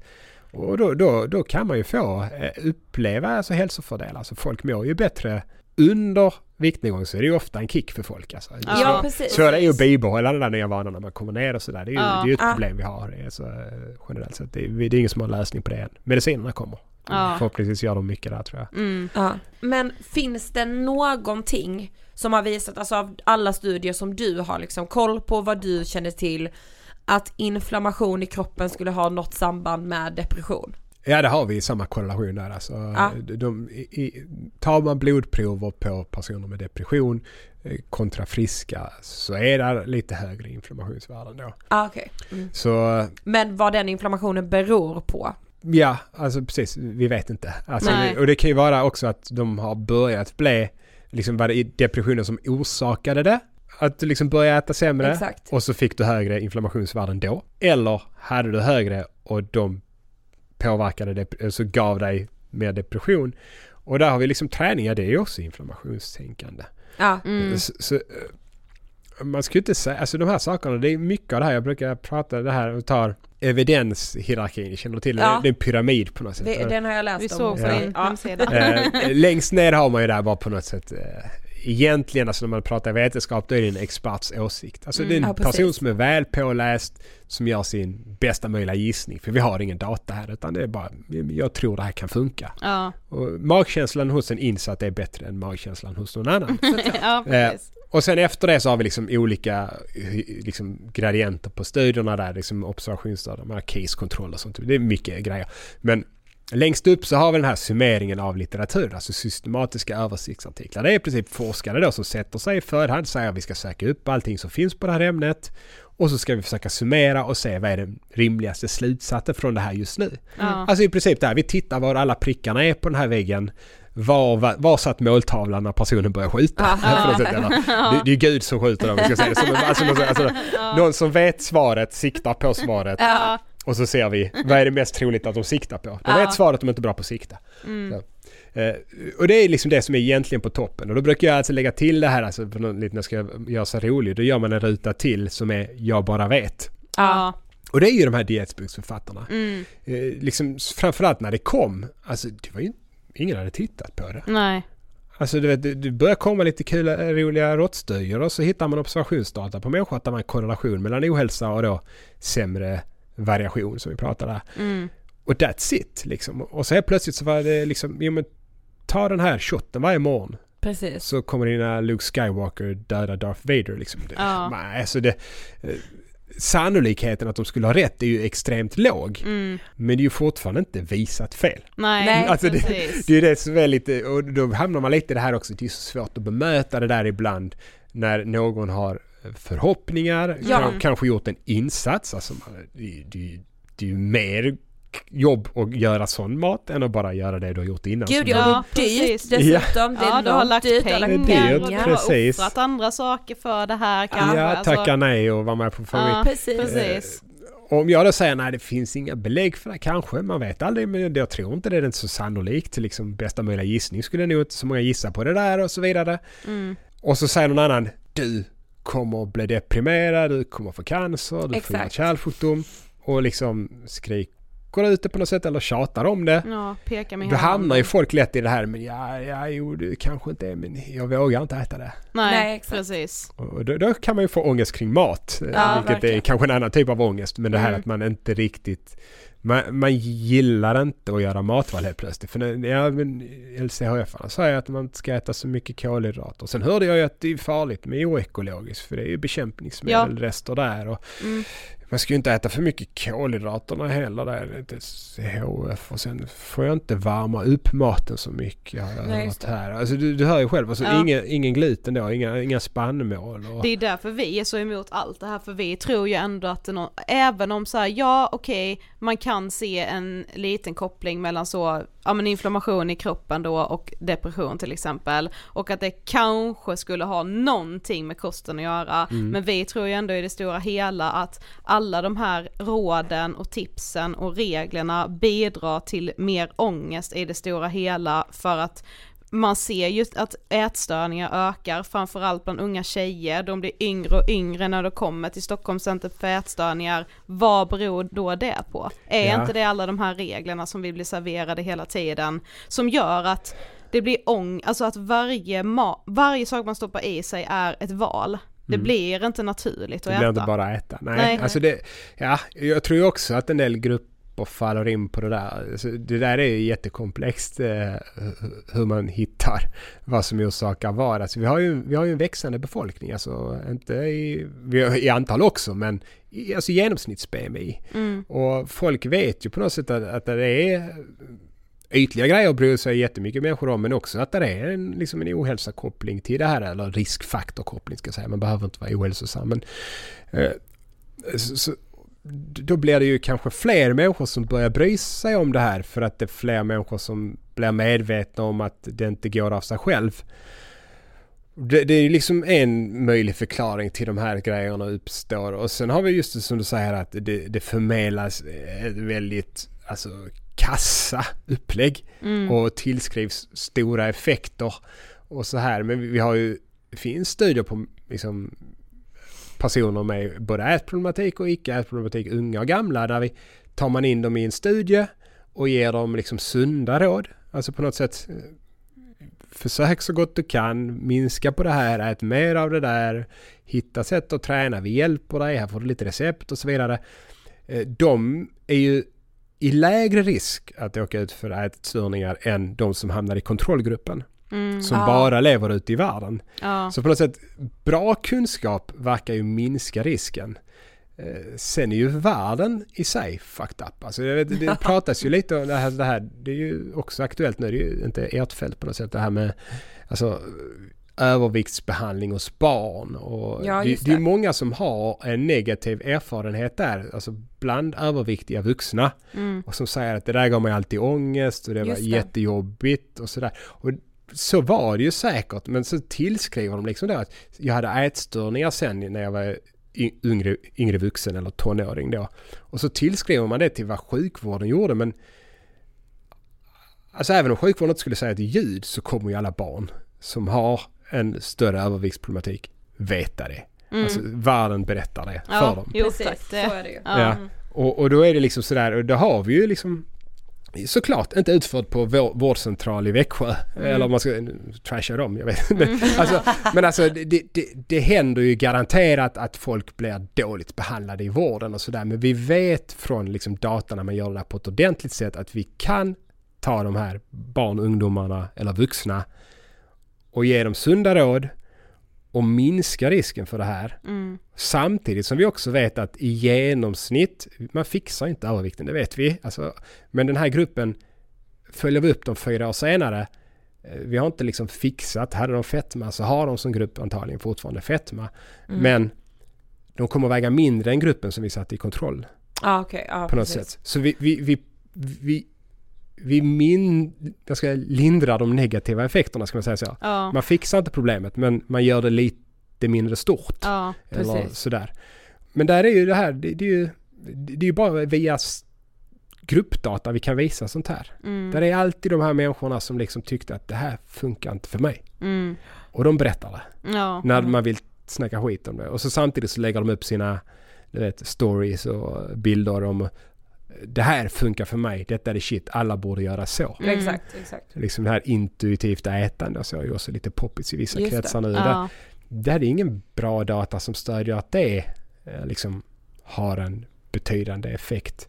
Sen är det delar av det som heter intuitivt ätande som har bra stöd i litteraturen på något sätt. Mhm. Men som, jag ska inte säga att det används för det vet jag inte, men som borde användas. Ja. Som, liksom, som jag vet används på en del platser i, i Sverige. Liksom sådär. Men det är ju, alltså vården, det är ju enormt många människor.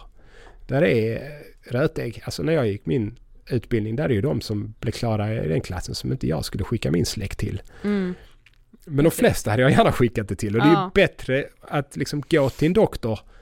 Du har ju högre chans att den kan ge dig vettiga råd än att du googlar vad gör jag åt min depression. ja, Alltså på något sätt. I genomsnitt kommer det bli bättre men några kommer ju stöta på idioterna. Ja, mm, så är det så ju. är det ju. Men det här som man liksom gör nu att man går på hela gruppen, alltså hela kollektivet, går på liksom hela den här barnfetma eh, behandlingen som vi gör i Sverige. Liksom, det, det är ju rått också. Alltså det är ju människor som på något sätt jobbat 20-30 år, forskat på det här, försöker hjälpa de här barnen Mm, trots att de lever då både i familjemiljöer som kanske inte är så jävla bra Mm. men också i ett samhälle som inte är bra. Så det är ju inte bra för någon liksom, hur lättillgängligt allt är där ute. Och så har de liksom då försökt hjälpa, för de vet om att det vi gör har effekt men vi fixar ingenting. Som Nej. sagt, de flesta barnen fortsätter vara. mm, Men jämfört med andra barn som inte tar vår hjälp eller som inte, och vi gör studier då som hamnar i kontrollgruppen, så går det ändå bättre för våra barn. mm. Och så får de liksom bara det här skitet från Ja. de här, alltså de som haft otur eller som tror att de inte fick bra hjälp i vården. De kanske fick bra hjälp i vården och fick ätstörningar ändå liksom. Mm. Eh, Men så tillskriver de det till vården och sådär. Det, det tycker jag väl är lite... eh, vi- Man måste hålla sig lite kall här på något vis. Alltså, titta på datan och, och istället säga att Istället för att säga att vi ska sluta berätta för barn eller för familjer eller upplysa eller sluta väga barn i skolan för att det är stigmatiserande. så. Istället för att bara säga det så, säga att vi måste bli bättre på att göra det på ett snyggt vis. Ja, precis. Vad säger sjuksköterskan när det är fel? Vad är det vi skickar hem för lapp Ja, till precis. föräldrarna och så Mm. vidare? Mm, Eh, De grejerna. mm, För, för det är ju säkerligen så att det på många ställen inte alls fungerar så bra som det gör de här studierna. Nej, för studierna nej. har ju folk satt sig i förväg och funderat hur gör vi detta bra? Ja, mm, precis. precis. Medan det på många andra ställen är i princip någon blir anställd som skolsjuksköterska och får, här har du din arbetsbeskrivning, Ja. gör detta. Mm. Ja. Och, Och så blir det fel. jättefel. Ja. Men, men jag tänker också alltså om man, om man då alltså inte tänker på inflammation utan man tänker rent så kost. Finns det någon kost som är bevisad att det skulle lindra depression? För jag menar som du var inne på innan så gurkmeja är en typisk sån sak som mm. vi har fått höra att så här, åh men det är bra att äta mycket gurkmeja för att Ja. det då skulle ha någon lindrande effekt. Där, där är det ju lite, var ska jag lägga Mm. den här ribban? För bevisat. Alltså det här liksom, eh, om vi tar den här gradienten istället från det gröna till det röda. När ska jag säga att det är bevisat när det är i det här orangea området i mitten där? Ja just det. Mm. Eh, Som, vi sa, hon, som vi sa, hon Felice Jacka då, Ja. som gjorde den här. Hon har gjort en interventionsstudie. Hon hade deprimerade människor, hon gav den ena gruppen det, någon typ av medelhavsliknande, lite mindre lågkolhydratkost och sånt där tror jag var. Rik på bladgrönsaker och grejer. Och den andra gruppen fick då någon kontrolldiet eller något sånt där. Och hon fann ju e- ett positivt resultat. De rapporterade ett bättre mående. Mm. Eh, Jag tycker att alltså en sådan studie för en sån här fråga när vi inte har en ordentlig, alltså vi har ju ingen placebo här utan vi Nej, har ju precis. någon som vet, jag fick inget och vi har någon som vet, jag fick Jag något. fick. Ja. Jag tycker inte det där duger. Utan Nej. jag skulle vilja ha liksom fler, längre, mer människor också. Det var bara något dussintal om jag minns rätt eller lite mer där i den. Eh, upprepat på olika ställen för hon här Felice Jacka hon är ju hon är frälst. Alltså Mm, det är jätteuppenbart att hon är hon, hon tror ju på det här stenhårt Ja. innan hon har visat det. Mm. Mm. Och där är vi också det här, ja. Det är lätt att föra över det här till deltagarna Mm. När du träffar dem och bemöter dem att du förväntar dig eh, något positivt. Ja. Och så rapporterar de, istället för en femma så blir det en sexa på Ja, skalan. Liksom och då, då hjälper det. Alltså, Ja, ja. och eh, jag, jag tycker inte att vi har bevisat det här. Fullt möjligt. Jag, jag tror ju att det mesta, som vi sa här, alltså metabol hälsa då, alltså var är blodfetterna, var är blodsockret, hur är inflammationsvärdena och sådana här saker. Eh, det verkar påverka mm, hur mycket fungerar, liksom, hur fungerar det optimalt. Alltså vi har liksom mekanismer som i alla fall hypotetiskt skulle kunna förklara att det är en sådan effekt. Mm. Eh, Samma sak som vi har med träning, där har vi mekanismerna och interventionerna. Där har vi visat det lite mer, det här som vi sa. Vi Mm. randomisera folk i grupper. Men jag tror abs- ja, absolut ska jag inte säga, men jag tror på att eh, det kommer kunna påverka humöret. Men det, det är ju det här, jag tror det kommer flytta det lite på den här skalan som vi pratade om innan. Ja. Alltså, från lite lägre, liksom från hög risk kanske till fortfarande hög risk men den är lite mindre än innan Ja. och så vidare. Så vi, men jag tror att alla de här sakerna tillsammans, alltså en livsstilsförändring, alltså om vi hade fått hela befolkningen helt plötsligt börja motionera, sova bättre och så vidare, så tror jag att vi på gruppnivå hade sett att färre mår dåligt. Mm. Men då Eh, handlar det om många komponenter samtidigt också. Ja precis, för då Ja. alla flyttar en liten bit, alla gör sitt bidrag. Ja, Eh, Jag Man tror inte att du kommer att- det där genom nej. en powershot varje morgon. Jag tror Nej. att det kommer göra ett skit. och kanske, man kanske ska se lite mer som att så här, livet kommer nog vara lite piss ibland men det kanske blir lite mindre piss. I genomsnitt kommer du leva bättre. I Ja. genomsnitt kommer du ha lite bättre livskvalitet. Lite mindre ont i kroppen också. Vi vet att det är också sån här kronisk smärta. Mycket av behandlingen där är ju bara på något sätt livsstil, Ja, våga precis. komma igång, Ja. inte vara rädd för att röra på sig. Ja. Mm. Alltså på något sätt tona ner allvaret ska man säga Ja. så. För många av de här kroniska smärtorna, det är inte något... Många gånger är det inte strukturfel längre, utan Nej. det har läkt men smärtan är kvar. Och, och, men så är det så mycket fokus på den känslor och fokusmässigt. Och så får Mm. man liksom fokus på den andra och så brukar det hjälpa eh, Mm. med de här grejerna. Jag tror mycket av det, ja. Mm. Så jag tror ju att liksom, jag, jag tror ju på livsstil. Mm. Det är ju mitt jobb på sätt och vis. Lite så, men jag, jag tror ju liksom, och där är ju kost en del av paketet. Jag tror ju inte att vi kommer hitta att precis de här recepten ska du följa så får du större effekt än om du följer de här recepten. Nej. Som, utan det kommer vara mer, hur blev kosten i sin helhet? Eh, liksom, uppnår du liksom rekommenderat dagligt intag av de flesta vitaminerna via kosten och så vidare.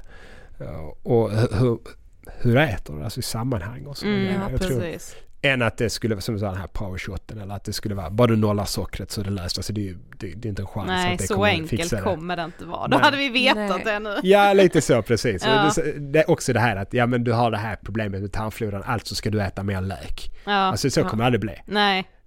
Har vi tur och tarmfloran har den här effekten så kommer vi förhoppningsvis ha läkemedelsföretag som kanske kan göra en tarmfloraanalys. Säga att du ska äta mer av det här, fibern eller prebiotikan eller symbiotikan eller vad som helst. Så får du en ökad tillväxt av de här bakterierna just enligt din tarmflora och de i sin tur kommer kunna göra den här påverkan. Ja. Men det, det, det kommer bli medicinsk behandling. Mm. Just det. Det kommer inte vara ett 50 gram av det där istället för 100 gram Nej. Nej. Och vi Jag- kommer eller inte komma på att nej men du vet du vad, skit i din antidepressiva, kör på gurkmeja till varje mål. Nej. Det tror jag inte heller. Eh, så nej, det tror jag inte absolut inte faktiskt. Ja, det är så jävla Ja. spännande det här ämnet. Men vi, vi Ja, har kommit till sista ja, frågan. Tiden alltså. Ja. Eh, vad inspirerar dig? Ja, det vet jag inte nu för tiden. Jag, jag gillar ju idrott. Jag tittar på idrott. Eh, jag tycker det är fräckt med folk som gör coola grejer. Vad kollar du på då mest? Fotboll? Ja, fotboll är jag. Jag är ju en fotbollskille. Men Alltså, du, är, det Mal- är det Malmö FF? Nej, helsingborgare. Ja, tyvärr kan man säga just nu. Men, Nej, jag är i Stockholm, för mig är det ju Bajen. Det är Ja, bara okej. det som gäller. ja, ja, det är också HF. Ja. Annat. Ja. Eh, men eh, jag kan ju säga jag tycker det är roligare nu än innan förr att bara se alltså folk som blir bättre även när de är kassa. Mm. Ah, mm. Alltså, det, det, jag tycker det är lika jävla kul att se på något sätt. Ja. ah, Gött, du Ja. fixar det. Ja. Det bryr man sig mer om idag. Mm. Alltså Fint. på något sätt, man hejar på folk mer. Ja. Eh, precis. Först så satt man på gymmet och så tittade man på åh jävla stark han där borta är. Så, brydde, så man liksom inte koll på vad andra höll på med. Nu är man liksom mer, vad fan, det där var nog ditt personbästa va? Så har man Men koll på liksom ja. Gösta 55. Åh! Nej, fy Ja, men alltså-. Men vårt gym är också lite, det är ju det är en tyngdlyftningslokal. Det, det är inte så många människor. Eh, Särskilt när jag är där och tränar på den tiden. Så man lär ju känna folk. Man vet Mm. liksom vad de är. Mm. Uh, Ulf han, är, han fyller 80 snart liksom. Man ska operera höften och sen har vi... Alltså man lär sig känna lite de här... Men han, alla, alla känner han. Han, Ja. han tvingar dig att känna. Han är Alltså, extremt, extremt extrovert. Ja. Och, och stark. Han gillar Ja. att leka med, alltså mina skolungdomar, vi, de kör ner på gymmet där också på skoltid och han brukar vara där mellan 10 och 12 varje dag.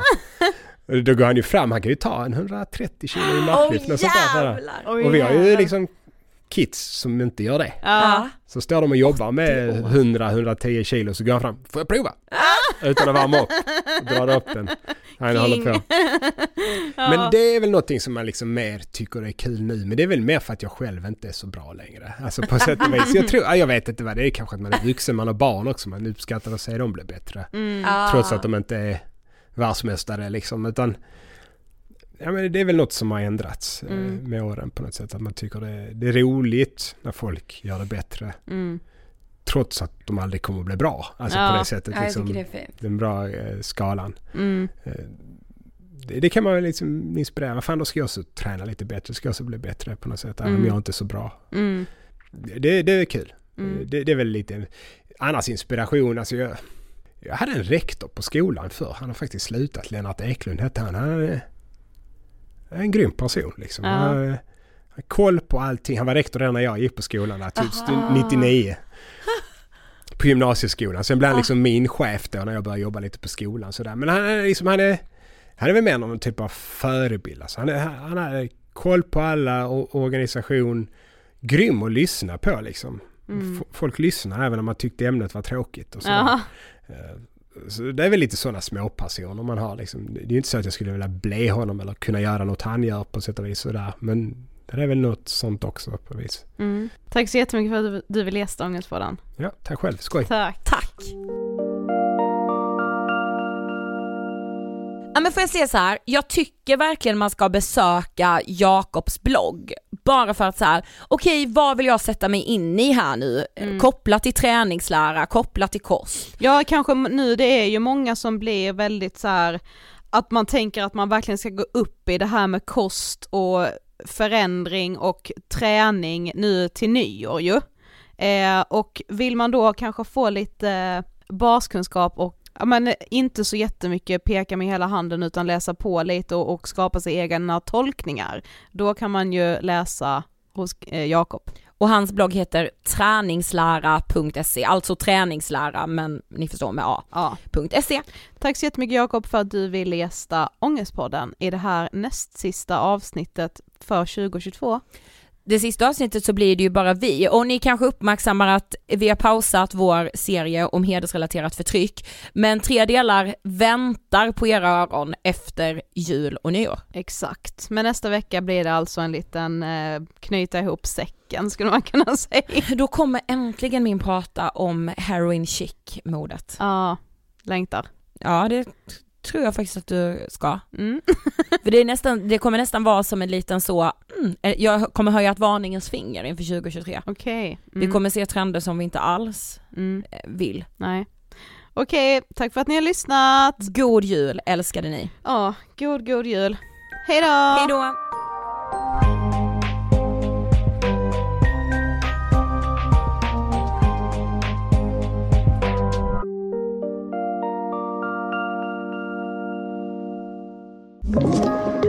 Podplay.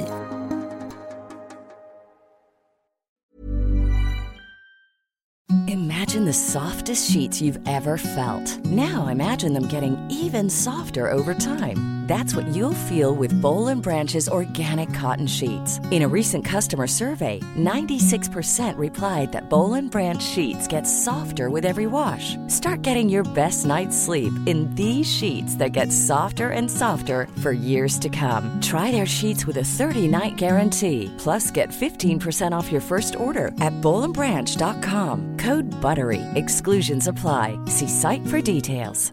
Mom deserves the best, and there's no better place to shop for Mother's Day than Whole Foods Market. They're your destination for unbeatable savings, from premium gifts to show-stopping flowers and irresistible desserts. Start by saving 33% with Prime on all body care and candles. Then get a 15-stem bunch of tulips for just $9.99 each with Prime. Round out Mom's menu with festive rosé, irresistible berry chantilly cake, and more special treats. Come celebrate Mother's Day at Whole Foods Market. Hey, it's Paige DeSorbo from Giggly Squad. High quality fashion without the price tag. Say hello to Quince. I'm snagging high-end essentials like cozy cashmere sweaters, sleek leather jackets, fine jewelry, and so much more. With Quince being 50 to 80% less than similar brands. And they partner with factories that prioritize safe, ethical, and responsible manufacturing. I love that. Luxury quality within reach. Go to quince.com slash style to get free shipping and 365 day returns on your next order. Quince.com slash style.